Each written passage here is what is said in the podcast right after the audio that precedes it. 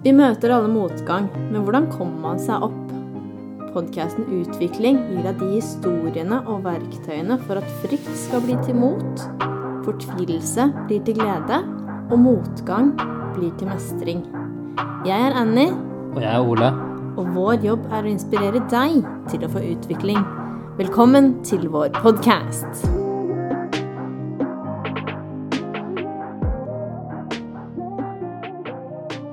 I denne episoden snakker vi med Gerd Skorskowski Danielsen, og etter vi snakket med han, føler jeg at han er Norges svar på Viktor Frankel. Ja, han har bl.a. jobbet i FN sitt utviklingsprogram, og har også vært kidnappet i Jemen. Og tenk at en person som ble frarøvet sin frihet i tolv dager, velger fortsatt å ha empati for sine kidnappere. Han har jo laget et eget kurs om dette her, som handler om å kontrollere responsen sin, bli mindre dømmende, mindre irritert, mindre fordomsfull, og ikke ha noe frykt eh, for det ukjente, og være litt mer nysgjerrig, rett og slett. For kan man egentlig kontrollere hva som skjer med en, eller kan man kontrollere responsen på hva som skjer? Finnes det egentlig noe som er rett og galt? Det snakker vi om i denne episoden her. Så, Så god litt.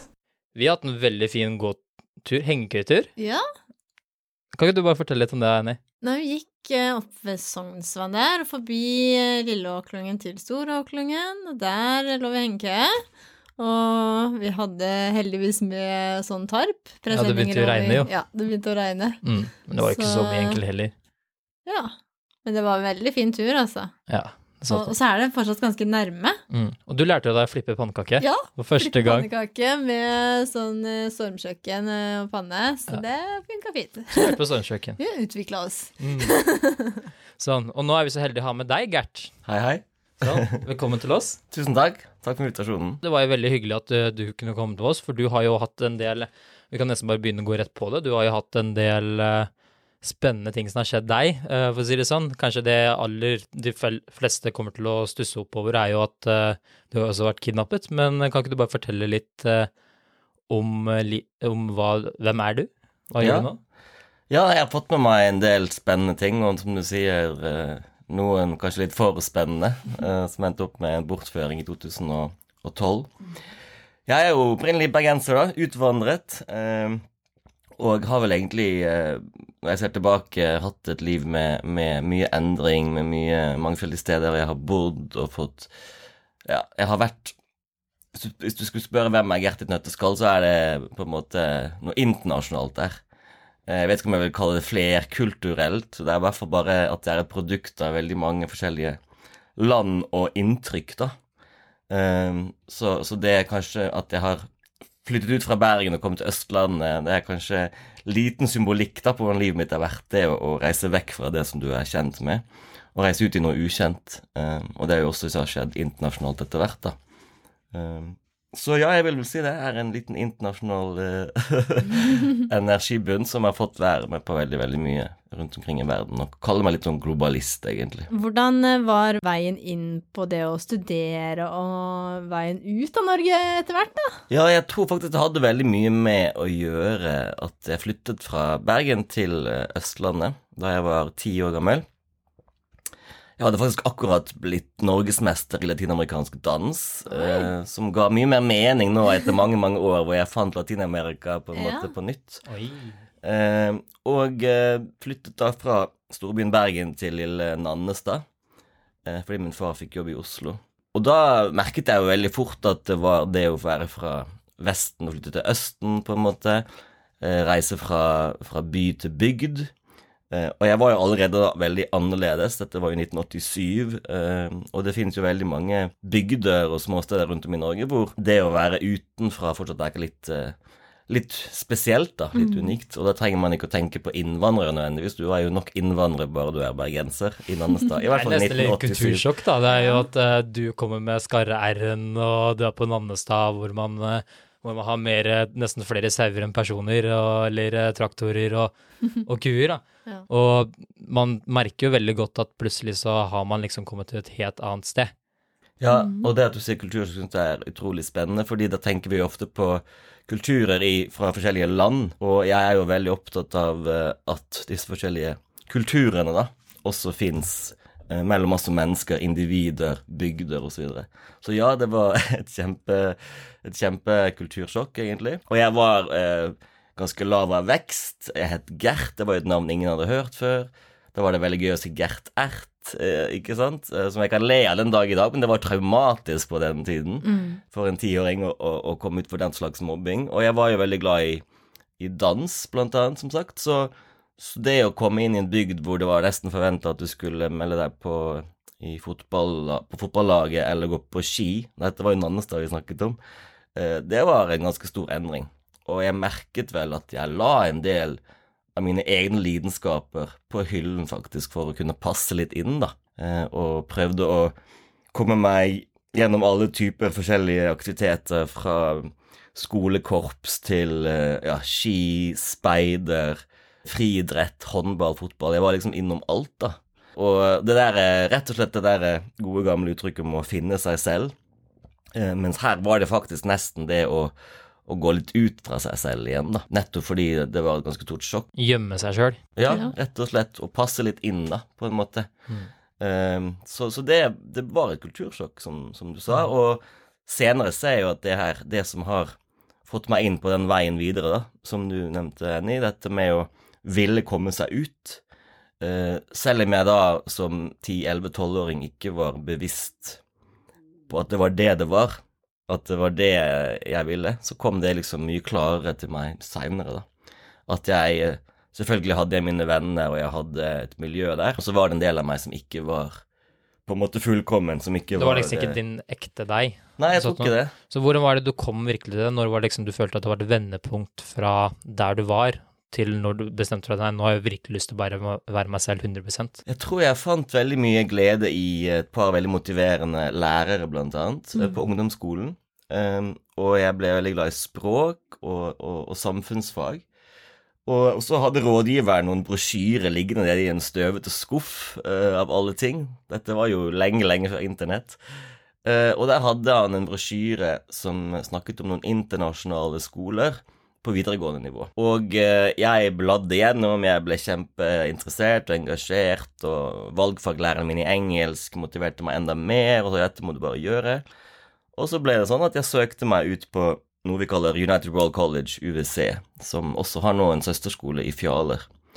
Eh, Så plutselig så hadde jeg gått bare ett år på videregående skole i Norge og satt eh, i, i New Mexico i USA med 200 tenåringer fra 80 forskjellige land, tror jeg vi var. Wow. Så ja, jeg endte liksom opp der. Det var noe med den ubevisste eller underbevisste Gert som ville ut og finne seg selv. Mm. Kanskje fordi trauma, egentlig, ved å flytte fra, fra Bergen til Nonstad og være så annerledes eh, på så på mange måter. Og enda flere kommer jeg til å finne ut av seinere. Eh, det gjorde vel at jeg fikk et lite push da, til å komme meg ut. Og da begynte jeg på en måte å finne meg sjøl, på en måte. da. Selv om det ofte høres klisjé ut, så var det virkelig det for meg.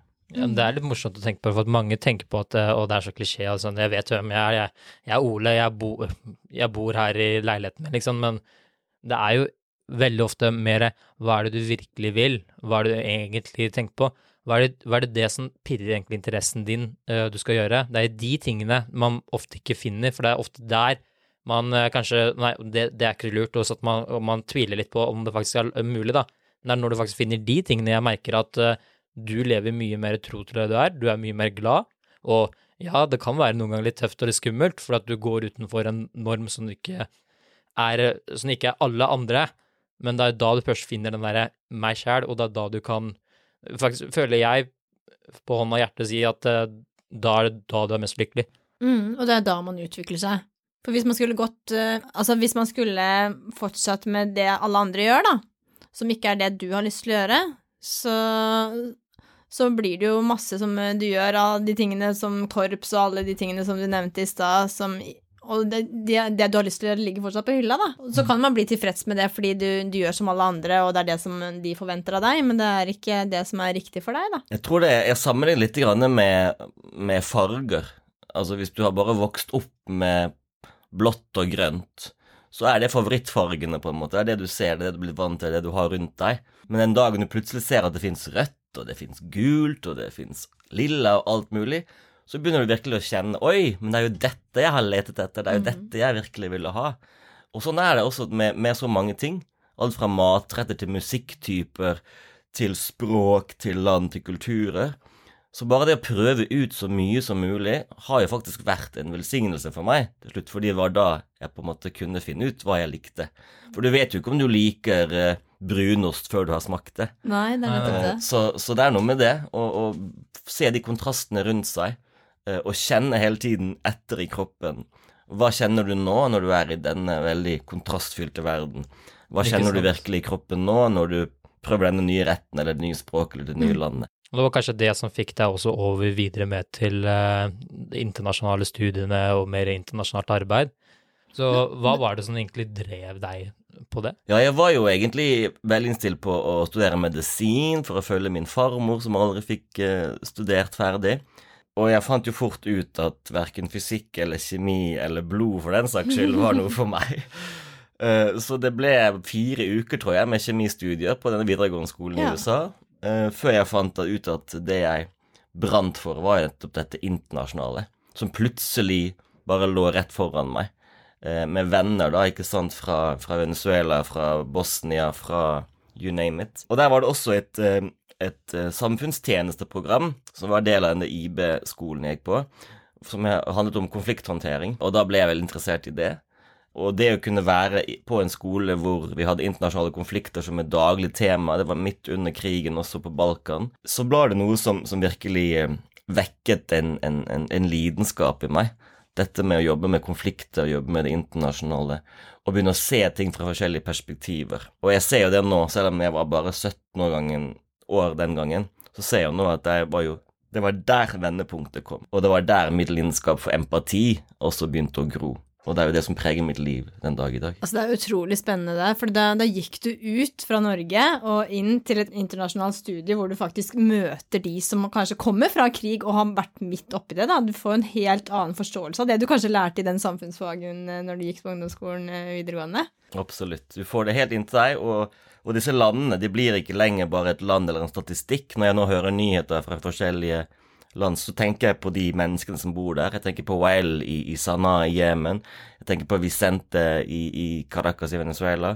Eh, så det er klart, det blir mye mer personlig, og det er jo det jeg gjerne også eh, lengter etter mer i både norsk skole og norsk samfunn generelt. At det internasjonale kommer nærmere og blir mer personlig, for da blir det heller ikke skremmende. Hvordan var det du For du har jo jobbet også i FN sitt utviklingsprogram.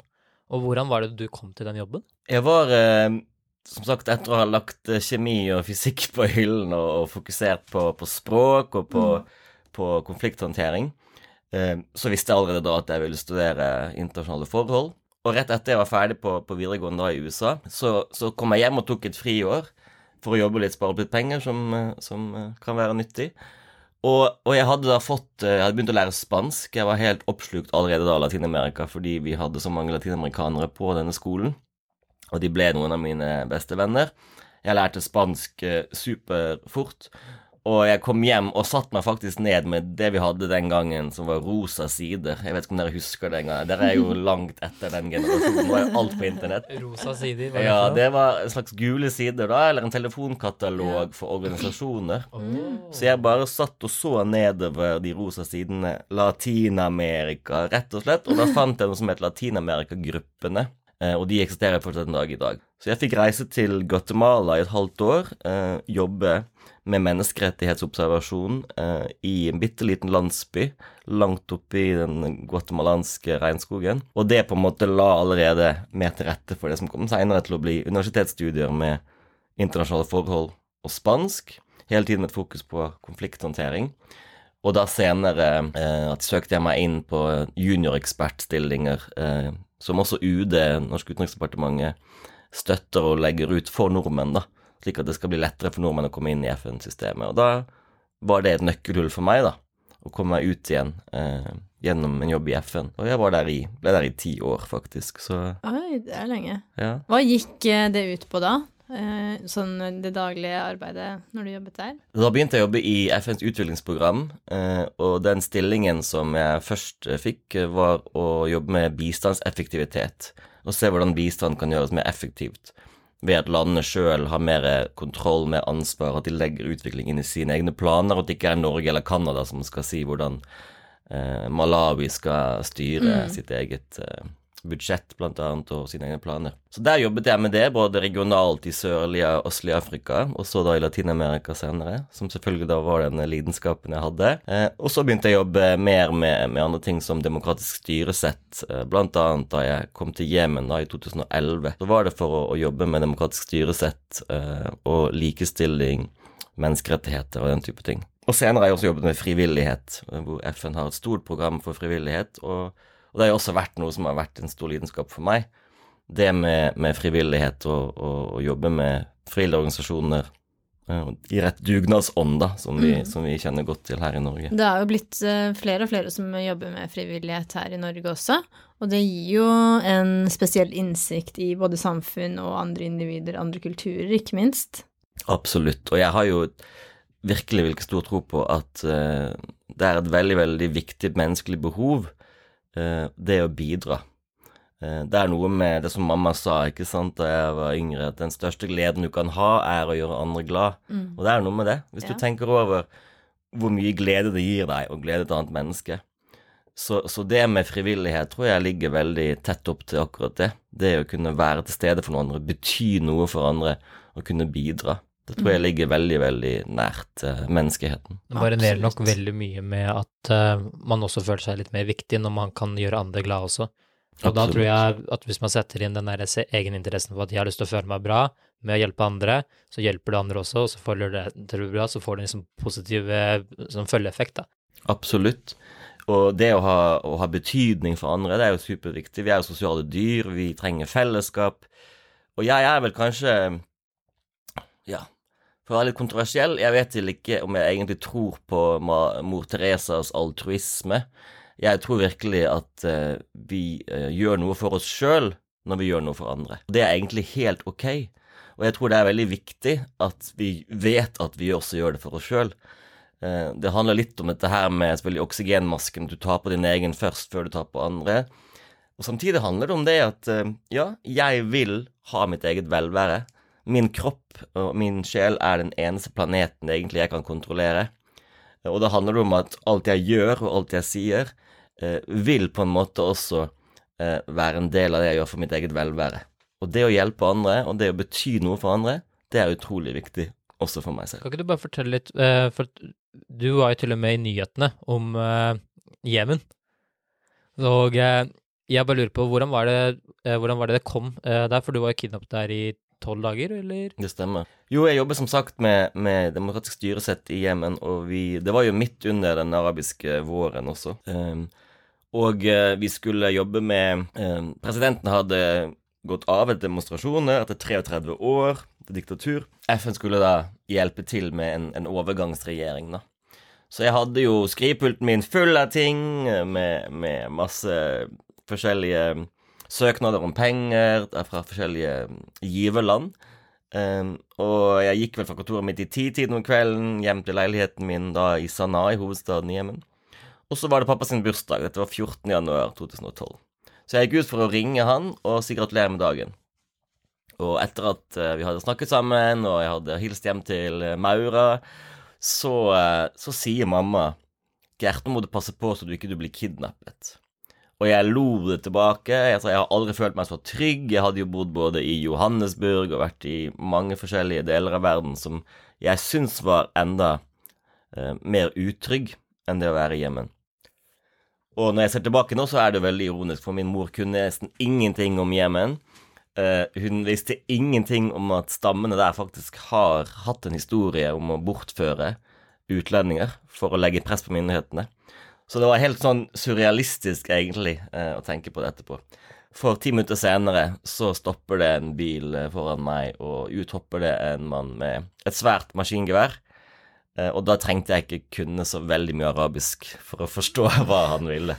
Ja. Så da var det inn i baksetet og opp i fjellene i Mareb-regionen utenfor Tre-fire timer utenfor Sanna. Og jeg ble da sittende der i tolv dager. Shit. Så det var uh, Ja, det er, det, det er vel det øyeblikket jeg har, uh, har tenkt at ja, ja, det var det. Nå har eh, Gert fått sin tid på jorden. Eh, og det ble jo ikke slik. Jeg, jeg, jeg ble jo faktisk også surrealistisk sett behandlet ganske bra av, eh, av de som bortførte meg. Eh, deilig mat. Eh, litt eh, Det er lov å le litt av det nå. Det var jo veldig traumatisk da det skjedde. Men jeg fikk jo alt jeg trengte. Eh, jeg fikk linsevæske til kontaktlinsene mine, jeg fikk et klesskift, jeg fikk energidrikk. eh, eh, jeg ba om å få sigaretter. Så kom de med noen jemenittiske sigaretter som jeg ikke likte. Så sa jeg nei, jeg vil ha Marlboro Light, sa jeg. Og så kommer de Så kommer de faktisk tilbake med Marlboro Light, hvor det står liksom 'Produced in Germany', og jeg fikk jo helt sånn bakoversveis. Men han kom inn med en kartong på 200 sigaretter, da. Og da sa jeg til han, vet du hva, jeg skal ikke være her så lenge. så det var veldig mye surrealistisk Ja. som jeg egentlig ikke kunne fortelle så mye om etterpå, da, da jeg kom ut. For eh, det var jo ikke FNs rolle på en måte å, å eh, hva skal man si, snakke godt om kidnapping Nei, og kidnappere. Så det at jeg satt og koste meg med Marlboro Lights og, og energidrikk og, og god hjemmelaget mat, det ble oversatt på pressekonferansen som 'jeg fikk det jeg trengte'. Ja. Men husker du, når du kom opp i fjellene der, husker du hva du tenkte, og hva gikk gjennom hodet ditt da? Det som Det som jeg så som veldig viktig for meg, og det, det skjedde nok ganske i underbevisstheten, tror jeg, var at så snart jeg satte meg inn i baksetet på den bilen, så, så kom den empatitreningen min opp, dette med konflikthåndtering, dette med å se menneskene for det de er. Dette var ikke lenger noen eh, onde, forferdelige eh, kidnappere. Dette var unge menn eh, som antageligvis eh, gjorde alt det de kunne for å ta vare på seg selv og sin familie. Og det var det, på en måte, eh, de kunne gjøre akkurat der og da. Eh, og jeg visste hele tiden også hvor viktig det var å kunne få kontakt på det menneskelige plan. Så bare det å sitte i baksetet der eh, og prøve å, å holde roen og få en slags, et slags forhold til disse mennene var veldig, veldig viktig for meg. Så jeg blant annet satt så spurte om jeg kunne få ta en sigarett, og jeg delte sigaretter med disse mennene som satt der. Så vi begynte nesten på en måte å få en slags atmosfære allerede i bilen, og det var veldig viktig for meg. Eh, ikke bare fordi det også ville være strategisk for meg å, å ha en trygghet og en ro i bilen, eh, også fordi dette faktisk var mennesker som var sikkert like forvirret og like eh, usikre på det de holdt på med, som, som jeg kunne være. Så det var noe som var veldig viktig for meg hele tiden gjennom alle de tolv dagene, at dette var også mine brødre. Altså, jeg vil bare understreke at det er veldig mange kidnappingssituasjoner i verden, og det har vi jo sett også eh, fra norske, et norsk perspektiv, med det som skjedde annet i Algerie, så har det vært mange forferdelige og veldig voldelige kidnappingssituasjoner. Så det vil jeg bare legge eh, Altså sette en strek under, fordi det, er, eh, det jeg gikk gjennom, det var eh, ikke mye i forhold til det de andre har gått gjennom. Og de som har tapt sine liv, og de som har blitt såret og skadet og traumatisert for livet. Så det kan kanskje være lett for meg å sitte og si at disse kidnapperne var også mine brødre. Og Samtidig så tror jeg det er veldig, veldig viktig å se at eh, jeg tror ikke det finnes noen onde mennesker. Det er bare noen handlinger som, som, som ikke beriker livet mitt, da, rett og slett. Så det var jo aldri snakk om å, om å rettferdiggjøre det de gjorde, men det var viktig for meg å forstå hvorfor de gjorde det de gjorde, eh, og hvor langt desperasjonen, om den skulle komme fra fattigdom eller fra sult eller fra ulikhet, eh, eller fra egne traumer, den desperasjonen den kan få mennesker til å gjøre ganske utrolige ting. Og det, det er jo liksom som vi, vi leser om i den boken til Man's Search for Meaning også. Du har jo også lest den. Hva var dine tanker rundt den? Det er også en bok som har gjort veldig veldig stort inntrykk på meg. Eh, og det er vel noe eh, helt spesielt som, som Viktor Frankel sa, eh, som, som jeg fortsatt bruker veldig mye den dag i dag, både som inspirasjon og i arbeidet mitt, eh, når jeg jobber med, med empatitrening, blant annet. Det er dette med at vi hele tiden har et valg. Eh, vi kan ikke kontrollere det som skjer rundt oss. Eh, I hvert fall i veldig liten grad kan vi kontrollere det som skjer rundt oss. Den lille gutten Gert eh, som ble mobbet, eh, kunne ikke kontrollere mobberne. Eh, men det vi kan gjøre, er, og det var det Frankel sa, at vi kan hele tiden velge hvordan vi vil respondere. Hvordan vil jeg reagere eller respondere til noe? Og da bruker jeg faktisk ordet respondere ganske bevisst, for reaksjon kan være ofte veldig mer instinktivt, det kan være mer impulsivt, mens en respons virkelig handler om Mer gjennomtenkt. Ja, og det handler om denne muligheten til å til å Altså, responsibility kommer jo fra det. Muligheten til å respondere. Ta ansvar. Eh, og det har vi. Og når Frankel eh, kan si at han hadde valgmuligheter å respondere på ting som skjedde med han når han satt i konsentrasjonsleir, så tror jeg ikke det er veldig mange nordmenn som kan si at ikke de har noe valg. Og det å, å hele tiden huske at vi har et valg på hvordan vi kan reagere og respondere på ting som skjer rundt oss, det tror jeg er noe av det viktigste jeg har lært. Og det fikk jeg fra Frankel og Man Search for Meaning. Hvordan var det, det med den løslatelsesdagen? Fordi du sa jo selv at du, du skulle ikke være der så lenge. Nei, det var egentlig eh, Det er klart jeg ble også veldig frustrert av å sitte der. Eh, det ble mer en sånn oppgitthet. Jeg var jo i kontakt med, med FN, som da presset regjeringen til å forhandle med disse, disse, disse stammemedlemmene som hadde bortført meg. Så jeg hadde jo litt kontakt med, med, med omverdenen, og likevel så fikk jeg ikke vite så mye om hva som egentlig skjedde. Og kidnapperne sa jo da eh, omtrent hver dag at ja, du blir løslatt i morgen, inshallah. Dette med inshallah og, og hvis Gud vil, det jo, ble jo en, på en måte en, et slagord nesten for de, for de dagene. Eh, og så var det Jeg hadde også fått inn TV der. Eh, der var det blant annet også disse rullende tekstene på CNN hvor det står eh, 'Norsk FN-arbeider kidnappet i Jemen'. Det å se liksom sitt eget navn på CNN, det var også litt sånn merkelig. Uh, og uh, jeg fikk se en del filmer, blant annet. og det satt hele tiden en mann sammen med meg inne i rommet. Det var nok mer for å passe på at jeg hadde det jeg trengte. Jeg tror nok ikke det var for at jeg skulle stikke av, for da jeg hadde ikke kommet meg så veldig langt når det var væpnede menn rundt hele huset og ja. Men i hvert fall så satt en mann ved siden av meg der, og en dag så begynner vi å se på en film som jeg hadde valgt. Jeg visste ikke helt hva det var, og så ser jeg etter hvert at uh, filmen handler om kidnapping i et fiktivt land som da antageligvis var Colombia, som jeg også har bodd i, og der gikk kidnappingen ganske ille for seg. Så jeg tenkte det skal vi kanskje skru av denne filmen, se på noe annet, så ikke de får noen nye ideer ja, eh, hva de kan gjøre med meg.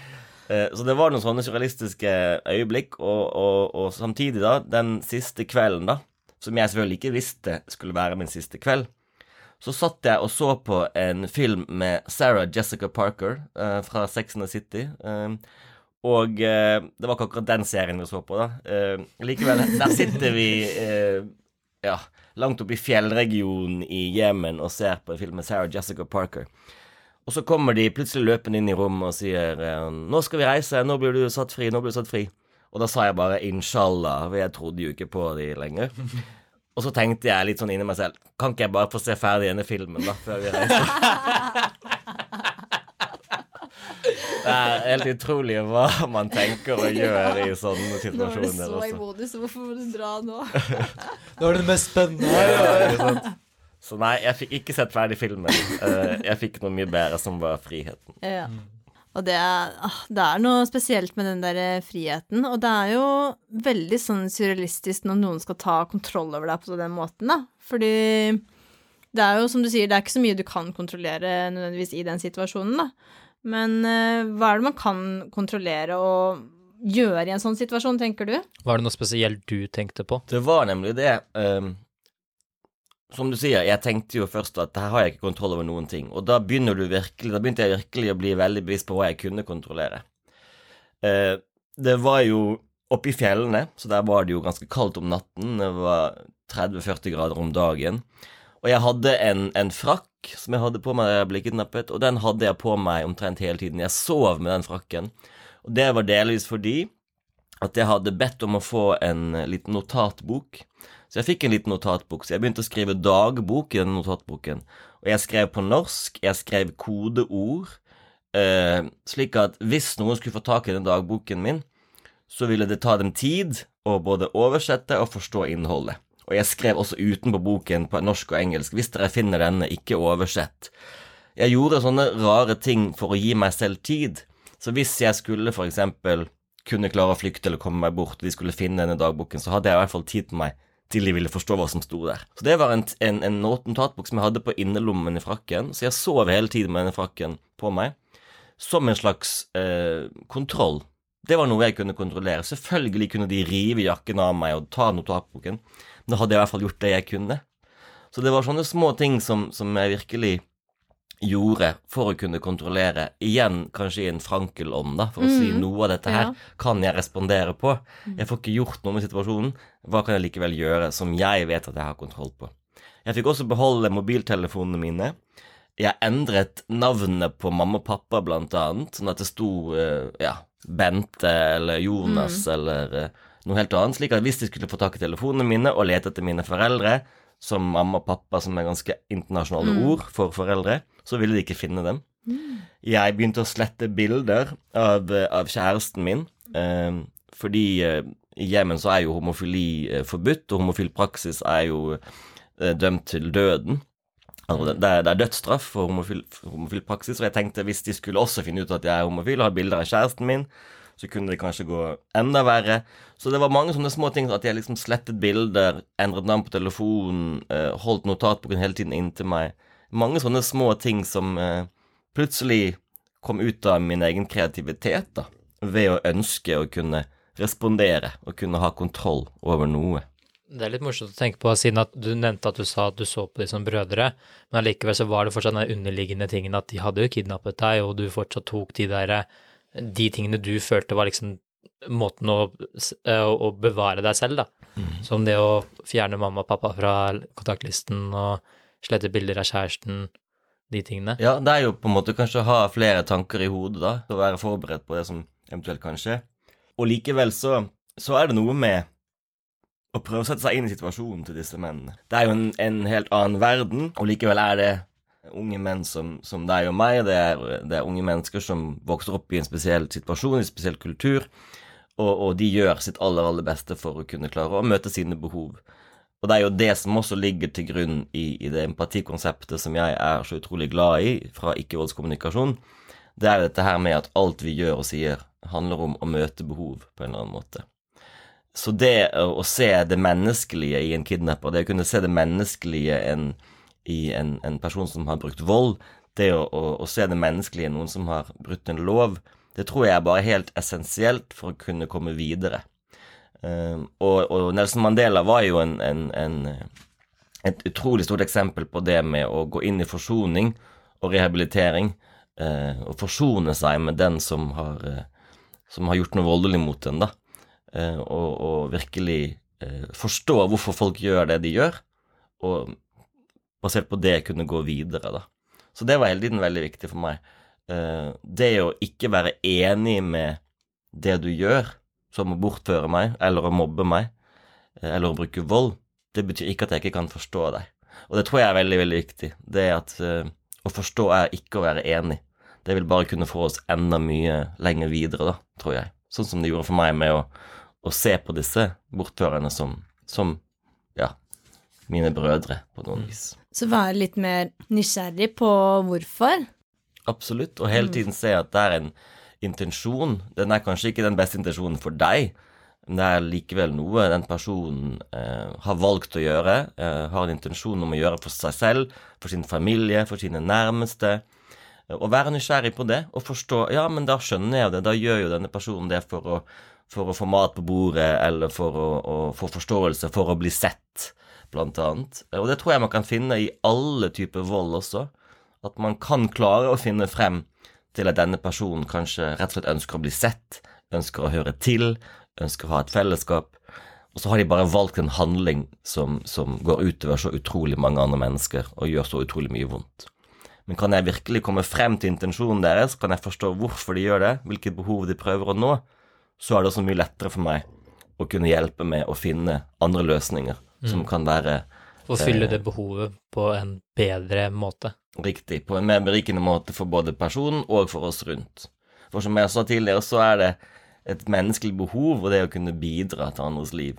Så jeg tror det hvis folk kan lære seg til å finne handlinger som også gjør godt for andre, mens de gjør godt for seg selv, så er jeg helt sikker på at det vil folk gjøre. Mange har jeg inntrykk av at kan være veldig øh, dømmende når man møter noe som er veldig forskjellig fra ens egen synspunkt. Hva er dine tanker rundt det? Det er rett versus galt, fordi er det egentlig noe rett og galt? Ja, jeg blir sikkert tatt for å være veldig kontroversiell når jeg sier at uh, jeg tror mye av den volden vi har i verden i dag, og i samfunnet i dag, kommer av at vi har gått inn for at det er noe som heter rett og galt. Det blir eh, Vi kunne sitte og le lenge, mange av oss, med, med George Bush, og også nå til tider med, med, Donald Trump, men han brukte denne her oss mot dem, og denne her todelingen i samfunnet, den tror jeg kan være utrolig skadelig og utrolig voldelig.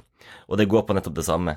For hvis det finnes rett og galt, eh, så, så, så er det en riktig gruppe og en feil gruppe. Nemlig. Og da har du alltid to motpoler som Mm. kan hauses opp til enda større grad, og som da kan lage konflikter. Mm. Absolutt. Absolutt. Og det er eh, noe som jeg syns er veldig trist at ikke det er mye, mye mer fokus på i samfunnet i dag. Jeg leser avisene hver eneste dag hvor det er en eller annen type dømming.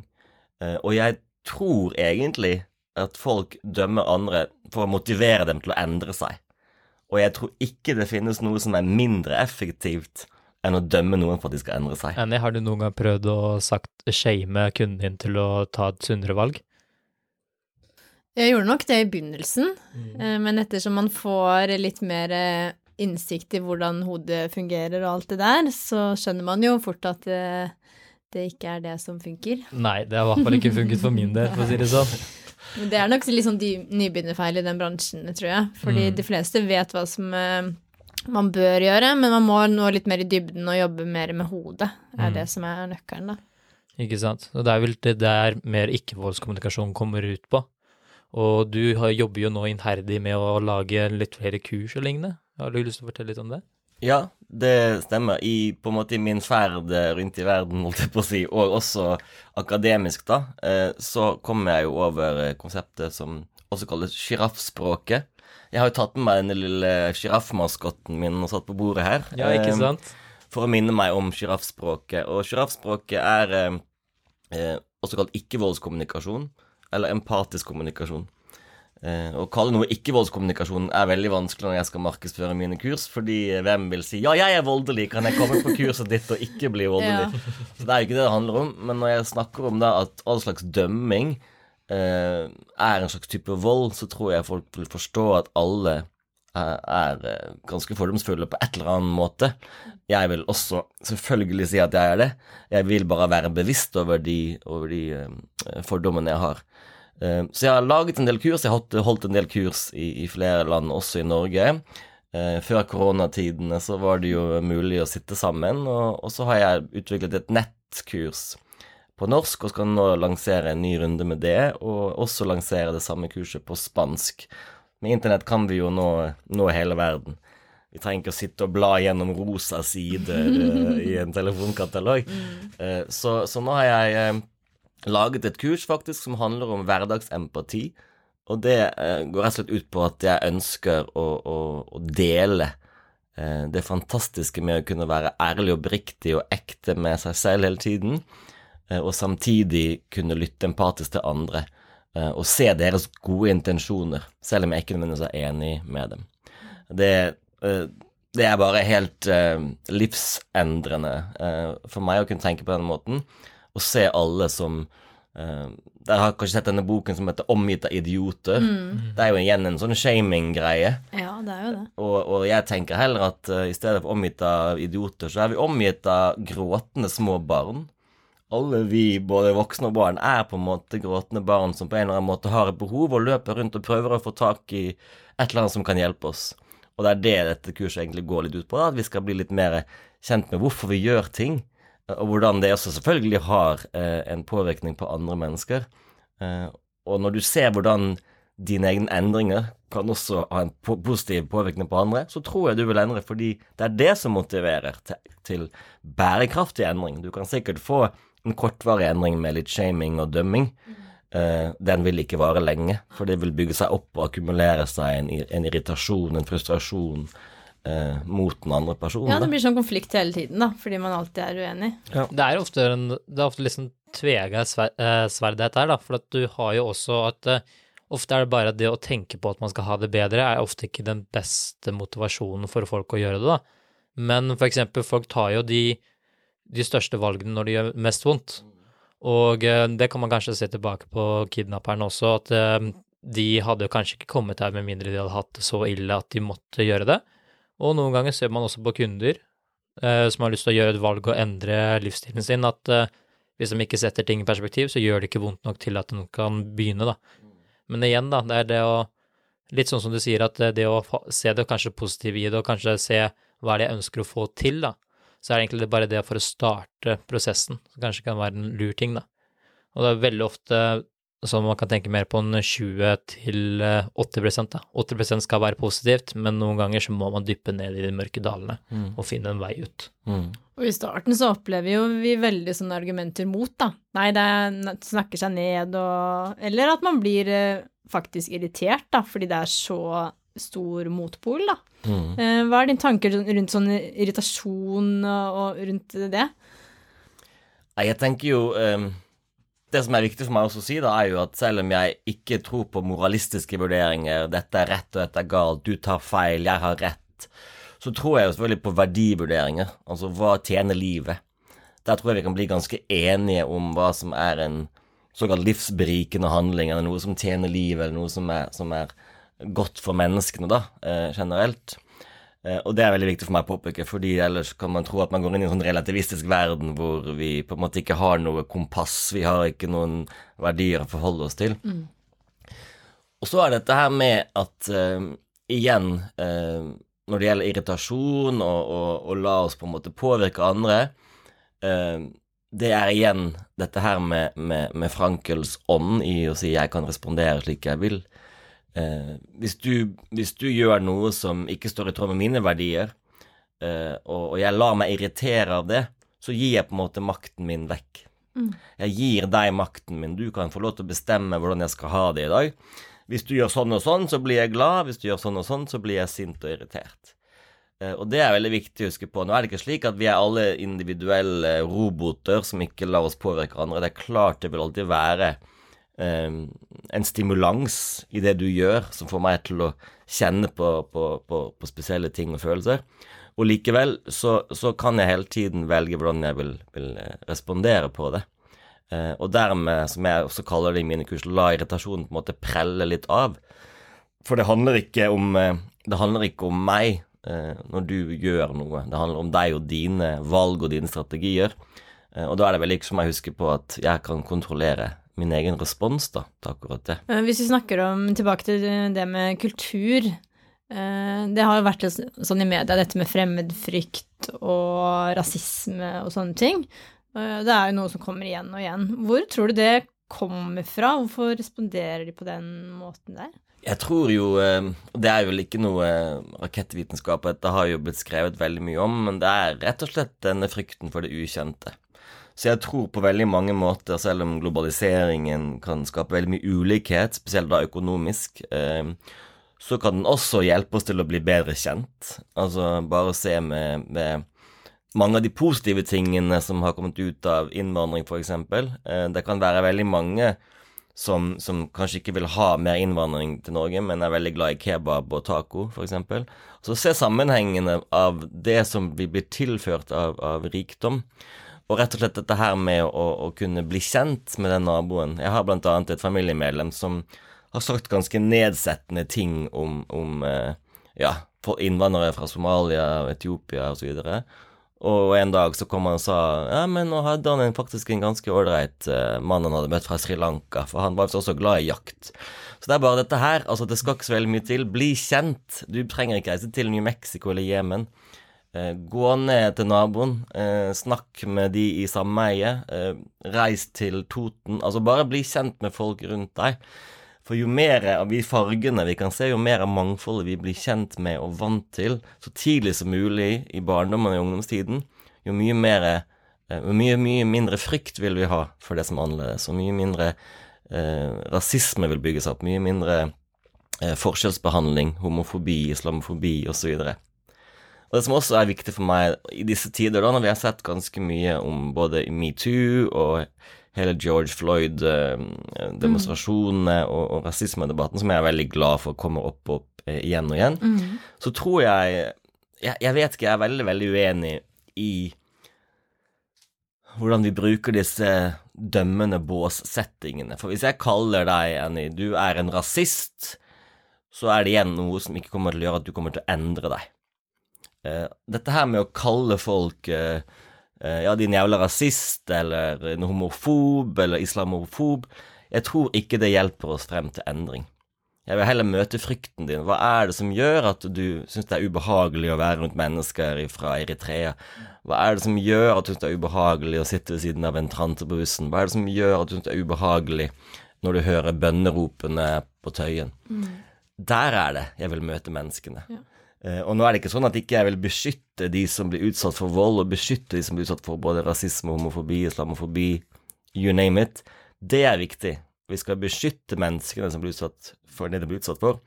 Men det å gå ut og, og, og igjen skamme folk med å kalle de en, en rasist eller en, en, en, homofob, det kommer ikke til å endre noen ting. Det kommer bare til å fortsette volden, tror jeg. Så gå litt nærmere og faktisk se på hva som ligger bak den forhåndsdømmingen, da. Mm. Helt klart. helt klart. Og jeg er utrolig fascinert og inspirert av alle tusenvis som går ut i gatene og demonstrerer, og jeg ville gjerne gått der sammen med dem. Jeg vil bare ikke stille meg bak en plakat som, som faktisk dømmer de like mye som jeg ber dem om å la være å dømme meg. Vi kan ikke få bort dømming med dømming. Det går bare ikke. Ja, og det er litt sånn Det er jo to sider av en sak, ikke sant? Og så har man kanskje bare sett den ene siden.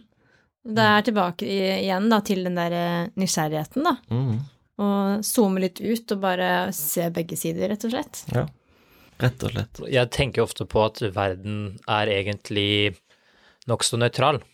Uh, egentlig alle ting som skjer er nøytralt, men det er hvordan du velger, litt sånn fra Viktor Frankel igjen, hvordan du velger å tolke det, det er det som kommer inn til å sette følelsene på hva du egentlig føler, da. Så hvis du, så hvis det var en som kjørte rett forbi deg eh, når du kjørte bil, sånn noe, så kan det bli en sånn Hva faen i helvete, blir så eh, kjempesinna for at han køtta rett foran deg. Men så har kanskje du gjort det en annen gang for at du bare så den der avkjørselen litt for tidlig, bare 'Å, herregud, jeg må svinge', så svingte du litt fortere enn du hadde forventa. Så det har jo Det ligger jo begge ender der, og ofte er det sånn at vi kanskje da legger litt for mye forutatte meninger, da på hva vi egentlig tenker. Absolutt. Jeg gjør det masse sjøl òg, ja. herregud. Det, det, eksempelet med bilen var jo faktisk jeg som var sinna på han ene fyren eh, da jeg kjørte forrige, forrige søndag. Nettopp. Og det å bare være litt nysgjerrig og si OK, nå kjørte han fort, og ja, nå ble jeg redd, nå ble jeg liksom Nå ble jeg overrasket eller redd. Kanskje de skulle skynde seg hjem, kanskje kona holdt på å føde, kanskje bestemoren hadde kommet ut i en ulykke. Altså, vi vet så veldig lite. Og et eksempel på det også er å sitte bak en bil som går veldig, veldig tregt, og man har lyst til å bare vise fingeren og, og, kaste seg på hornet. Og så kjører man forbi, så ser man der en gammel, nervøs dame som mm. kanskje har nesten ikke vært ute i trafikken før. sant? Mm. Da endrer du deg med en gang. Mm. Så det der med denne forutinntattheten og det å, å forhåndsdømme og liksom allerede vite, på en måte, ha en antakelse om hva, hvorfor folk gjør det de gjør, det tror jeg er veldig, veldig eh, Nei, jeg, jeg det syns jeg er litt trist og litt skummelt, og det vil jeg være, være med på å oppfordre til. At vi har litt nysgjerrighet. Oi, ok, de gjorde det sånn, ja. Det var ikke helt sånn som jeg ville gjort det, eller det var litt ubehagelig for meg. Og jeg vil likevel prøve å forstå hvorfor de gjorde det på den måten. Bli litt fascinert, rett og slett. Mm. Ja. Hvis man snakker om religion, så kan man jo møte litt sånn kulturkrasj i forhold til måten man hilser på og sånne ting. Hvordan kan man møte det, tenker du? Og ja, har du noen eksempler på det? Ja, jeg syns jo det er uh, veldig mye spennende på, på, både religionsfeltet og kulturfeltet, og, og, jeg pleier ofte å si um, at um, ja, altså en geriljasoldat for eksempel blir kalt for noen en freedom fighter, ikke sant, mens for andre er det det motsatte. Det er et veldig godt eksempel på det der, da. At uh, eksempel uh, hellig krig, uh, krigføring, når, Afga når, Afghanistan ble invadert av Sovjetunionen på 70-tallet, så tok jo USA og eh, ga våpen, penger, til mujahedin, de hellige krigerne. Og så er det faktisk de våpnene de kjemper mot når de var i Afghanistan og gikk inn der selv. Ja, og det er Og da var de terrorister. Ikke sant. Det er nettopp det. Det er det sitatet snakker om. ikke sant? One man's freedom fighter is another man's terrorist. Så det er hele tiden dette her, det blir litt som øyet som ser. Og et annet eksempel er jo at eh, en kvinne som går i burka, kan føle seg så utrolig fri. Like fri som en kvinne som går i bikini. Så det, hvem skal da bestemme hva er frihet for hvem? Det kommer veldig an på den personen. Eh, og i forbindelse med, med, med islam og kultur- og religionskonflikter som vi kanskje har sett i Norge, da, så kan vi jo også huske tilbake til det eksempelet for noen år siden hvor det var en, en muslimsk mann som mistet jobben fordi han ikke ville håndhilse på sine kvinnelige kollegaer. Eh, ironisk sett i dag så hadde han sikkert ikke mistet jobben, for nå skal vi jo ikke hilse på hverandre pga. korona. Det er også en liten tankevekker. Ja. Eh, Men det jeg ville frem til med akkurat det, er jo at hans måte å vise respekt for en kvinne var å ikke ta på henne. Mens for henne så var det mangel på respekt at han ikke ville ta på henne. Så det der å være nysgjerrig og forstå hvorfor tenker du sånn, hva er det som ligger bak, det er jo det som er så fascinerende. Og det er det jeg tror vil, vil få oss til å, å kunne skape en, en litt fredelig, fredeligere verden. Men noen ville kanskje ha sagt også at hvis du er i en annen kultur, så burde du også tilpasse deg den kulturen. Ja, absolutt. Eh, og nå er det jo så sammenvevd alt, da, så det blir litt sånn Hva er egentlig min kultur? Hva er norsk kultur? Hva er eh, eh, Jeg syns det blir veldig vanskelig å gå inn i det. Jeg kan også si jeg Da jeg reiste til Jemen, så bestemte jeg meg for å, å gå litt inn i skapet igjen som homofil. Jeg hadde ikke eh, behov for jobb, på jobben spesielt å gå ut og skrike ut at jeg var, var homofil. Samtidig så var det veldig mange norske venner av meg som syntes det var eh, upassende. At jeg på en måte skulle skjule hvem jeg var, osv. Men det var noe med at jeg ville de skulle bli kjent med personen Gert. Det var ikke så nødvendigvis eh, å bli kjent med den homofile Gert, for Fordi da hadde de kanskje satt mer eh, Satt en merkelapp på deg. Og, Ja, det kunne blitt satt merkelapp, med, og, og, og, og samtidig kunne det kanskje også ha satt noen Dessverre satt noen eh, eh, noen kjepper i hjulene for meg på jobb, f.eks., med at noen ville utsatt noen møter for å ikke være helt uhøflig og si 'deg vil jeg ikke møte', f.eks. Så det har noe med det å gjøre. Så jeg tror ikke det er noe igjen rett og galt svar på akkurat det, men det er igjen dette her å forstå hvorfor man gjør det man gjør. Eh, og alle kulturer er jo nettopp det. De er jo handlinger for å møte et eller annet behov. Eh, Det er bare at vi har, vi har vokst opp med de fargene. Der bruker de rødt og grønt, eh, og der bruker de ikke blått og gult. Og så kan det også ha vært helt annen forutsetning på hvorfor den kulturen ble skapt. Eh, her i Norge så har vi jo helt andre forutsetninger. Det er veldig stor trygghet. Du, du basically, du kommer aldri til å sulte hvis du bor i Norge, eller hvis du er statsborger i Norge. Mens i andre steder kan du faktisk begynne å sulte, og det påvirker kanskje tankesettet på en helt annen måte også. Ja, absolutt. Det gjør det. Og, og det jeg tror er viktig, er at vi kan komme til, til enigheter som et samfunn, som et mangfoldig samfunn.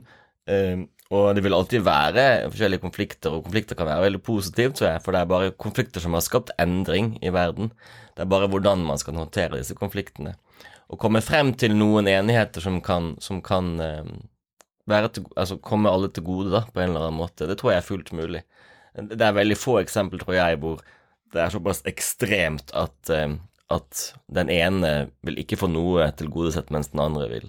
Det tror jeg er veldig få eksempler på. Hvis man, hvis man tar seg tid, er nysgjerrig og går i møte eh, med den andre og prøver å forstå hvorfor de gjør det de gjør, så tror jeg vi kan finne veldig, veldig mange gode fellesløsninger. Noe mange gjør, er jo det å sammenligne seg med andre, og det er i hvert fall min erfaring av de jeg snakker med, at det kan bli fort en veldig sånn negativ eh, greie.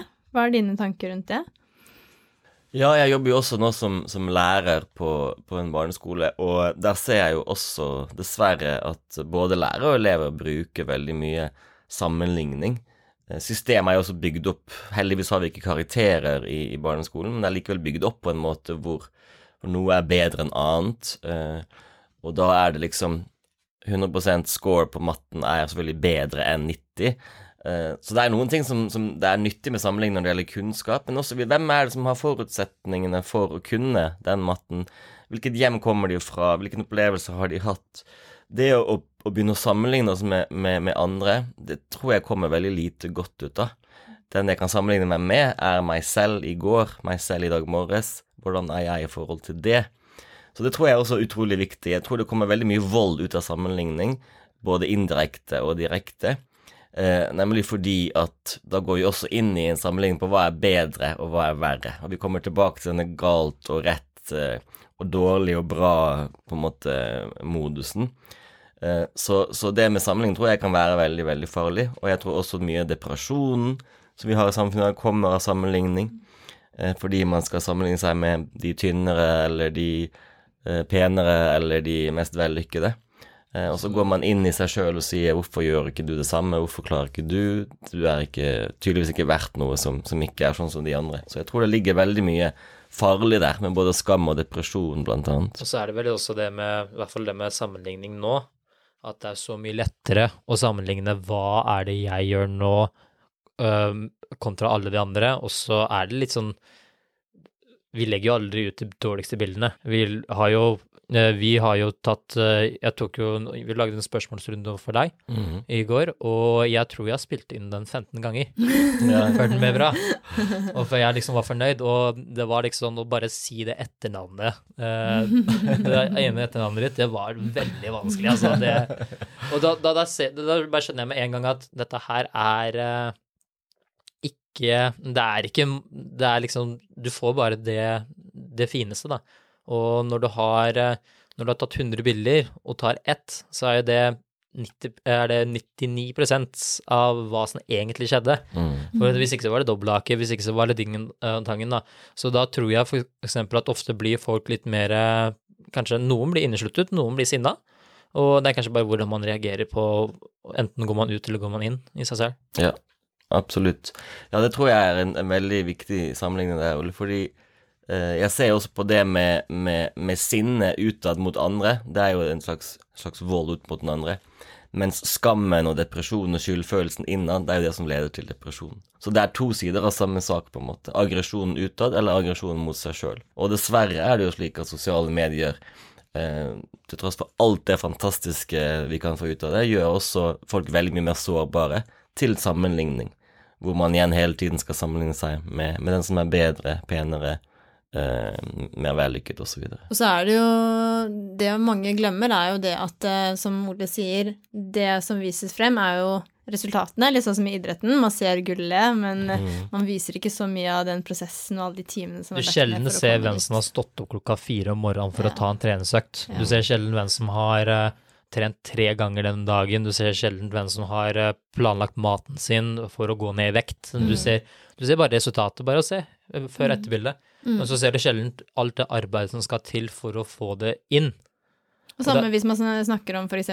vektnedgang, da, så er det jo det at eh, eh, det er jo ikke sånn at man går rett ned og så yes, det, det går opp og ned i starten. Og det er mye krasj i begynnelsen for det går opp og ned, går etablere fram tilbake. rutiner. Du tror, du, først så hopper du frem sånn Ja. fire steg, og så faller du fem steg tilbake plutselig. Mm. Så man må finne den prosessen underveis og akseptere de opp- og nedturene. Fordi så, i alt man gjør, så kommer det til å gå litt opp og, og ned, altså. Og det er viktig at man tenker på. Og det er jo det verdigrunnlaget det med oppvekst og sånne ting som også virker inn, da. Og det tror jeg også mange glemmer. Ja, Dette med oppvekst, hvor viktig det er for grunnlaget av det faktiske resultatet, da. Ja, helt klart. Og jeg har også lest noe om at eh, egentlig er vi nesten ferdig utviklet mentalt når vi er ja, 15-20 år. Så når vi er 40-50 og tror vi er veldig vise og veldig kloke og, og veldig voksne, så er vi egentlig kanskje bare en, en tenåring fortsatt, eller en veldig ung ungdom, hvis ikke jeg jobber videre med meg selv hele tiden, da. Eh, Så, så, så er det jo faktisk det. Og det er litt deilig å tenke på av og til også, fordi eh, jeg ser denne sårbarheten i alle de menneskene. Eh, uansett hvilken alder de har, så ser jeg den sårbarheten om at det er en liten gutt eller en liten jente som prøver å få til et eller annet og vet ikke helt hvordan de skal gjøre det. Eh, så, så, så ja, det er å tenke litt, og igjen være nysgjerrig. Hvordan har de vokst opp? Eh, hvordan har de hatt det? Og hvilke forutsetninger har de for det livet de skal, skal leve? Ja, litt sånn læringsprosess underveis, da, og la ting komme, for det er jo det som gjør at du lærer av det og blir eh, mer robust til å takle ting seinere, da. Hvis man bare skal seile på en eh, rett sjø hele tiden, så er det ikke sikkert man utvikler seg og takler det når det kommer en skikkelig holme eller eh, skjær, eller hva man møter på. En gigantisk bølge. Ja. Ja. ja, det er noe med den aksepten, eh, å akseptere det som er. Det nevnte jo også du litt om tidligere, dette med å se ting for det de er, og akseptere det. Og igjen da kunne velge hvordan man skal respondere til den situasjonen akkurat Det der er og da. fryktelig vanskelig blant da. Ja visst er det det. Og det er så vanskelig, men Jeg har jo et sånn øvingshefte da, i kommunikasjon som jeg bruker i mine kurs, og det heter faktisk Øve, øve, øve. Så jeg tror det handler om det. Altså, jeg tror livet er en lang øvelse, rett og slett. Eh, det fine er jo at så lenge vi er i livet, så får vi alltid få mulighet til å praktisere og gjøre ting annerledes. Eh, så, så, så det tror jeg også er viktig å huske på, at det er aldri for sent eh, å, å gå tilbake og fortelle noen at man er lei for det man gjorde, eller for sent å legge seg på ny kurs, eller for sent å innrømme at man har ja, fått noen nye ideer om hvordan man vil gjøre ting fremover. da. Så tror jeg en viktig ting å hamre inn der, da, det er at man eh, For noen ganger så føler man at man bare man er ute etter å få et resultat, da. Man er ute og oppnå et mål, og så vil man liksom det som Jeg har ikke lyst til å gjøre det hele tiden, føler jeg så slitsomt sånn, og lignende. Men det som er greia, at uh, hvis du fortsatt tenker på at livet er uh, ikke er uh, kommer til å være mål å komme til det stedet, så er det liksom Det er litt mer dynamisk enn det. Det er litt mer, det er litt mer bevegelse, og det, ting skjer en, hele tiden, da. Mm. Og da er det rett og slett bare det Hvis man tenker bare på tankesettet sitt, da, hvordan skal jeg da jobbe med det? Så hvis du har et tankesett om at jeg er med her for å lære, og jeg er med for å gjøre ting, så vil du faktisk kunne klare å endre eh, disse tingene over tid. Du vil kanskje komme til å nå noen av de målene, men du må konstant justere. Mhm. Og vi må konstant øve da, eh, på det. Eh, sånn for noen ganger så føler jeg at eh, jeg kan sitte her og tenke bare åh, skulle ønske jeg kunne hatt den svære rumpa i går, liksom. Mm. Eller eh, jeg skulle ønske jeg kunne hatt de store bicepsene i dag, eh, men da må jeg liksom legge inn arbeid og jobbe og jobbe og jobbe, da. Mm. Men igjen, da når jeg ser litt mer bort fra hva er det at, Bare se på, se på, det store målet, da, men bare se på at ok, men jeg kan gjøre én ting av gangen, da. Én mm. ting, liten ting, liten ting. Mm. Så er det bedre, da. Og da føler jeg at uh, tankesettet mitt er mer til at det er gøy å gjøre det, istedenfor at det er og jeg må gjøre det, men så kan du se fordelen av å gjøre det. Og derfor vil jeg gjøre det. Absolutt. Og der, der jeg også tenker på dette her med intensjonen. Hva er det du vil med det? Det du, hvilke behov, da? I hvert fall i min IVK-verden, ikke vår kommunikasjonsverden. Hvilke behov er det du prøver å, å, å, møte med å gjøre det du gjør? Fordi jeg bruker blant annet eh, å si at jeg ikke liker ord som må og bør og skal. Det er jo sånn tvangsspråk. Og det er så utrolig integrert i språket vårt at jeg blir nesten helt redd. Mm. Eh, du kan likevel gjøre om og tenke at jeg velger å gjøre det fordi intensjonen min er. Og da er det også snakk om at du velger å stå opp klokken seks om morgenen fordi du har et mål du skal nå. Ikke fordi du må stå opp. Det kan kanskje virke som en liten ja. detalj, men det er utrolig stor klikk, altså stor forskjell å bare tenke på det. Jeg velger å gjøre dette fordi jeg har den og den intensjonen, og det har de og de behovene jeg vil møte. Og da gjør du det med en helt annen energi. Og du tar mye mer eierskap, ja. ikke minst. For du tar, du, set, du tar liksom det målet, det skal jeg få til, istedenfor det målet må jeg få til. Ja. Det, det, er som, det, er, det er nesten sånn noen dytter det på deg, uh, for at jeg må få det til, men dette målet skal jeg uh, få til. Da tenker jeg med en gang Jeg bare føler med en gang at nå, nå vil jeg gjøre det, ja. istedenfor nå må, må jeg gjøre det, eller ja, ja, nå da, da, kan det bli en negativ greie igjen, da. Det er litt sånn som når vi møter kunder, da, som vil gjerne ha svar på Ja, hvordan skal jeg gjøre det her, og hvordan skal jeg gå ned i vekt? Men uh, mitt svar er jo da det kommer an på. Ja. Det kommer an på. Det, mm. kommer alltid an på. Ja, ja. For det er liksom alle de tingene som kommer underveis også, ikke sant. Ja. Det, det, er ting man ikke kontrollerer at kan komme. Livet skjer, og det kan eh, være både vonde ting og gode ting. Mm. Så det er noe med å være, ha det growth mindset, ikke sant. Mm. Være åpen og la det som kommer inn, komme inn.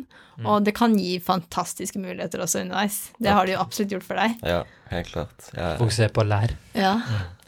Vi har også fått noen spørsmål, vi. Vi lagde en liten spørsmålsrunde. Så... Ja, ok. Mhm. Nå blir jeg spent. Mm. Og da har vi et spørsmål her. Og empati som verktøy for å hjelpe folk å nå målene sine. Hvordan gjør man det? Jeg tror empati kan være veldig viktig i å jobbe med skuffelser. Uh, empati for meg har vært utrolig viktig i en sånn selvtilgivelsesprosess. Og det tror jeg kan være veldig, veldig viktig når det gjelder å nå mål. Fordi du kan være veldig hard mot deg sjøl. Nå har du ikke gjort nok, du har ikke gjort det bra, du har ikke gjort det fort nok. Eh, du har ikke gått ned nok kilo. Eh, eller jobbmål også. Så det handler om å gå inn og se igjen. Hvorfor gjorde, det, gjorde jeg det jeg gjorde? Bare I det øyeblikket jeg gjorde det, så hadde jeg noen helt andre behov jeg prøvde å nå enn det jeg kanskje har nå. Så det er en selvtilgivelsesprosess handler om å akseptere det som er skjedd, ha empati for de avgjørelsene du tok, og ha forståelse for de valgene du tok, for å så kunne komme seg videre. Så jeg tror det er helt sentralt ja, i å, å, oppnå mål. Hvordan kan man bruke empati for å hjelpe noen som sliter? For det hjelper ikke bare å synes synd på seg selv eller eh, dem. Det er et kjempeviktig spørsmål, og, og, empati er jo nettopp dette med å bare være til stede. Sånn definerer jeg i hvert fall empati innenfor ikke-voldskommunikasjon. Å være til stede og ha et nærvær og surfe din bølge. Det handler ikke om å synes synd på eh, eller å oppmuntre. Det handler rett og slett bare om å være til stede med det som er. Og det handler litt om dette her med å akseptere. Så jeg tror der vil empati også være veldig viktig, eh, å, å, gå inn i en forståelse av situasjonen til personen som personen er i, eh, og, og, igjen se på det som har skjedd før. Hvorfor er du der? Hva var intensjonen din? Og så videre. Så empati har egentlig veldig mye med aksept å gjøre. Forståelse og aksept. Um, og det i seg sjøl, når personen klarer å, å akseptere seg selv for de valgene den har tatt, så vil det også være mye lettere å kunne ta nye valg og komme seg videre. Så kan det kanskje være da, da, da du kanskje får klarheten, og du kanskje får den forståelsen, og da føler du at uh, da er det kanskje lettere å hjelpe deg. Er det noe du har lyst til å prøve å få til, eller er det noe vi skal få til, da? Absolutt. Og, det, og når du har mye mer klarhet over intensjonene dine, hva du prøver å oppnå, så vil løsningene nesten falle ned automatisk i hodet på deg. Ingen trenger å gi deg råd eller fortelle deg hva du skal gjøre. Når du har e- eierskap over det sjøl og vet hva du har behov for, så vil det komme etter hvert. Mm. Det blir en skikkelig motivasjon, rett og slett. Det blir ikke må, du skal. Mm. så, så, har vi en nytt der. Hvordan få noen til å lytte til rådene dine man gir, og få gjennomslag hos noen? Det er vanskelig noen ganger. Igjen handler det om empati. Det handler om For det første så vi gir aldri råd til noen som ikke har bedt om det. Eh, hvis jeg har lyst til å gi noen råd, så spør jeg om de har lyst på noen råd, eller om de er klare til å ta imot noen råd. Veldig ofte så får jeg nei. Eh, og det er jo det som er så ironisk, at veldig ofte så gir vi masse råd. Det blir aldri tatt imot, de blir aldri brukt, fordi de var ikke klar til å ta imot de rådene. Igjen handler det om empati og, og, og, og prøve å, lytte til personen, forstå hvor de er, eh, forstå hva de prøver å oppnå. Når de får den roen i seg og får klarhet over sine egne behov, som de kanskje ikke egentlig har Det er ikke alle som vet hva de har behov for, eller hvordan de skal klare å nå de forskjellige målene eller møte de behovene. Når de har fått den klarheten i seg sjøl, så er det mye, mye lettere å kunne komme med råd og si jeg har noen ideer kanskje hvordan det kan gjøres, er du villig til å høre det? Er de ikke villige til å høre de rådene, så vil de aldri gå inn uansett. Så det må de være klar på, og det tror jeg de kan få ved at de ser på deg som en partner som lytter og vil være der i deres situasjon og deres problem. Eh, da vil de også kunne få mye mer klarhet i situasjonen og være mer villig til å lytte til råd. Tror jeg.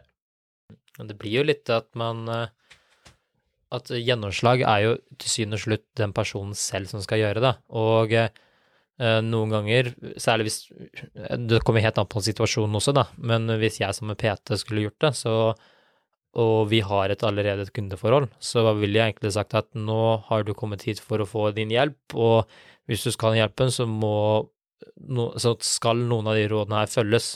Mm. Hvis ikke så vil du kjenne, kjenne på en motstand hele tiden, og hvis det er noe som er veldig vanskelig for deg, så må vi, må vi jobbe gjennom det, da. Og da kommer må, dessverre, men mm. uh, da skal det jobbes gjennom. Mm. Så har vi et siste spørsmål også, som er litt off topic, men hva tror du Trump vil gjøre for å eh, gjøre, gjøre om han ikke blir gjenvalgt? Om han ikke blir gjenvalgt, ja. Hva mm. gjør han da? ja, der kom den. Hva vil han gjøre hvis han ikke blir gjenvalgt? Uh, jeg tror han uh, Jeg tror han kommer til å, å, skrive bøker og fortsette med det han alltid har holdt på med. Jeg, jeg, tror han kommer til å bli Det blir vel noen tweets, tenker jeg, om at han er veldig skuffet, uh, og at verden ikke går den veien han vil. Eller om det var rigga. Hæ? Ja, det, var rigga. Det kan hende. Så ellers så, så, er ikke det noen eh, Det er veldig trist for meg, det som skjer i USA akkurat nå, på mange, mange plan. Eh, og samtidig så Hvis vi klarer å ha forsoning og empati med Trump, så klarer vi å ha empati og forsoning med de aller fleste i verden. Så det kan være en øvelse, kanskje.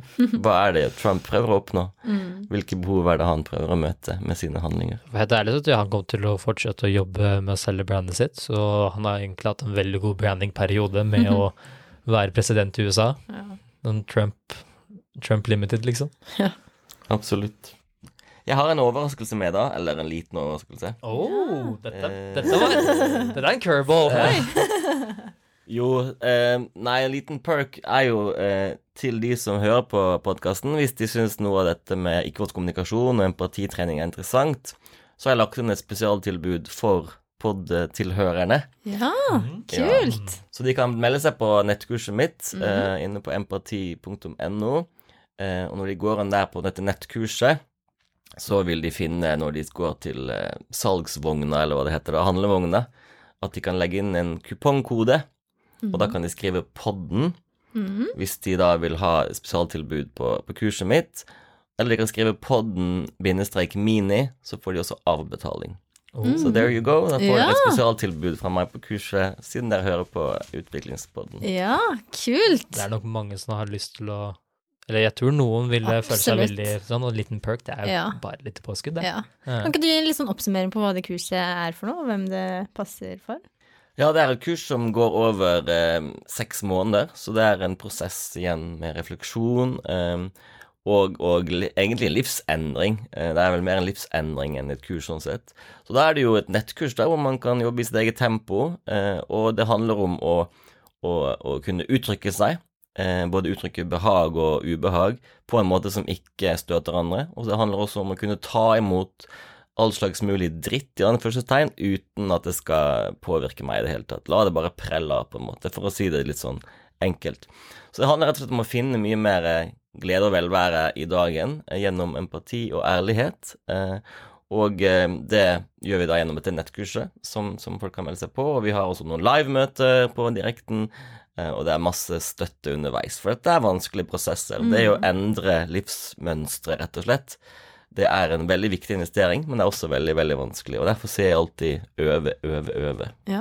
Vaner er jo rett og slett noe som er også noe som du må gå, gå opp noen par for å få den stien til å bli det. ja, det tar tid, og det er jo fantastisk da at man kan gjøre det over flere måneder, sånn som det du tilbyr, da. Og så kan man få med den oppfølgingen man trenger. Ja, for det, det blir justeringer underveis eh, når det er en sånn periode. Fordi man kan jo oppnå veldig gode resultater på en måned òg, men da har man kanskje aldri fått noen av de nedturene. Nei, det er det. Og det er jo på en måte en prosess som, som du skal gå gjennom mens du lever, og mens du er i livet. Så det er jo ikke noe som er bedre for kurset og for kursgjennomføringen og for praksisen enn at man kommer og sier i dag hadde jeg den drittdagen på jobben, nå vil jeg jobbe med akkurat det. Ja. For det er det vi jobber med. Vi jobber med livet. Mhm. Situasjoner. Mm. Spennende. Yes. Du er jo veldig glad i bøker, du også. Har du noen Ja. sånne bøker som du kjenner at har gitt litt inntrykk? Du har jo nevnt noen, men er det noen du vil trekke frem? Sånn en gang til, eller noen andre bøker? Altså, jeg tror eh, en av eh, favorittbøkene mine har vært Nå husker jeg ikke helt tittelen, men det var eh, Desmond Tutu som skrev den. Eh, da Sør-Afrika eh, eh, kom ut av apartheid. Eh, jeg husker ikke helt om hva tittelen var, men han selvfølgelig Nelson Mandela har skrevet en del bøker om The Long Way to Freedom. Og så har det- Desmond Tutu skrevet en bok som gjorde veldig mye inntrykk på meg, hvor han snakker om hele denne forsoningstankegangen. Eh, og, og som jeg ser som en del av empatien da, som kommer ut av, av Sør-Afrika. Eh, og I tillegg så er det den boken som har gjort mest inntrykk på meg av alle, selvfølgelig. Og, og det er jo ikke noe uten grunn til at det er det jeg holder på med den dag i dag. Det er Marshall Rosenberg sin bok om ikke-voldskommunikasjon. Et språk for livet. Som finnes også på norsk, faktisk, eh, og i e-bok i engelsk. Så det er vel noen av de som har virkelig vært store vendepunkt for meg, da, i, i, i det jeg har lest. Jeg kjenner bare igjen eh, Hvis jeg ser Skal vi se The Book of Forgiving. Den tror jeg det. No Future Without yeah. No okay. Future Without Forgiveness. Der Yes, men da har vi en innhold, da. Ja, flott. Ja. Der var den. Takk. Det er lenge siden jeg har lest den. Jeg bare eh, har den hele tiden med meg, på en Ja. måte, uten tittelen. Mm. Mm. Spennende. Så er det et siste spørsmål. Mm. Hva er det utvikling betyr for deg? Utvikling betyr en, en konstant, eh, dynamisk eh, eh, forbedring av seg selv, med utgangspunkt i seg selv. Det ville være sånn jeg ville summert opp, tror jeg. Det var egentlig en veldig fin samtale. Ja, veldig. Jeg syns vi har fått noen nye innvinklinger på ting man trodde vi egentlig ikke skulle få innvinklinger på. Ja. Men- Veldig mange fine perspektiver her, altså. Mhm. Og jeg skal absolutt bli veldig mye mer nysgjerrig, jeg, altså, Så bra. på ting. Prøve å finne litt ut av det. Ja, fordi jeg har absolutt vært en av de som har latt meg irritere mye. Vi er ikke den eneste enig. Men det, jeg har prøvd å bli litt sånn bevisst på det etter bare den samtalen, vi hadde, og bare ta meg sjøl i det og bli litt sånn fascinert Mm. istedenfor. Så herlig. Mm. Hvis det kan komme ut av dette her, at noen blir litt mer nysgjerrig og lar seg irritere litt mindre, så er det kjempefint. Mm. Men da gjenstår det bare én ting å si. Lykke til Med utviklingen. Tusen takk.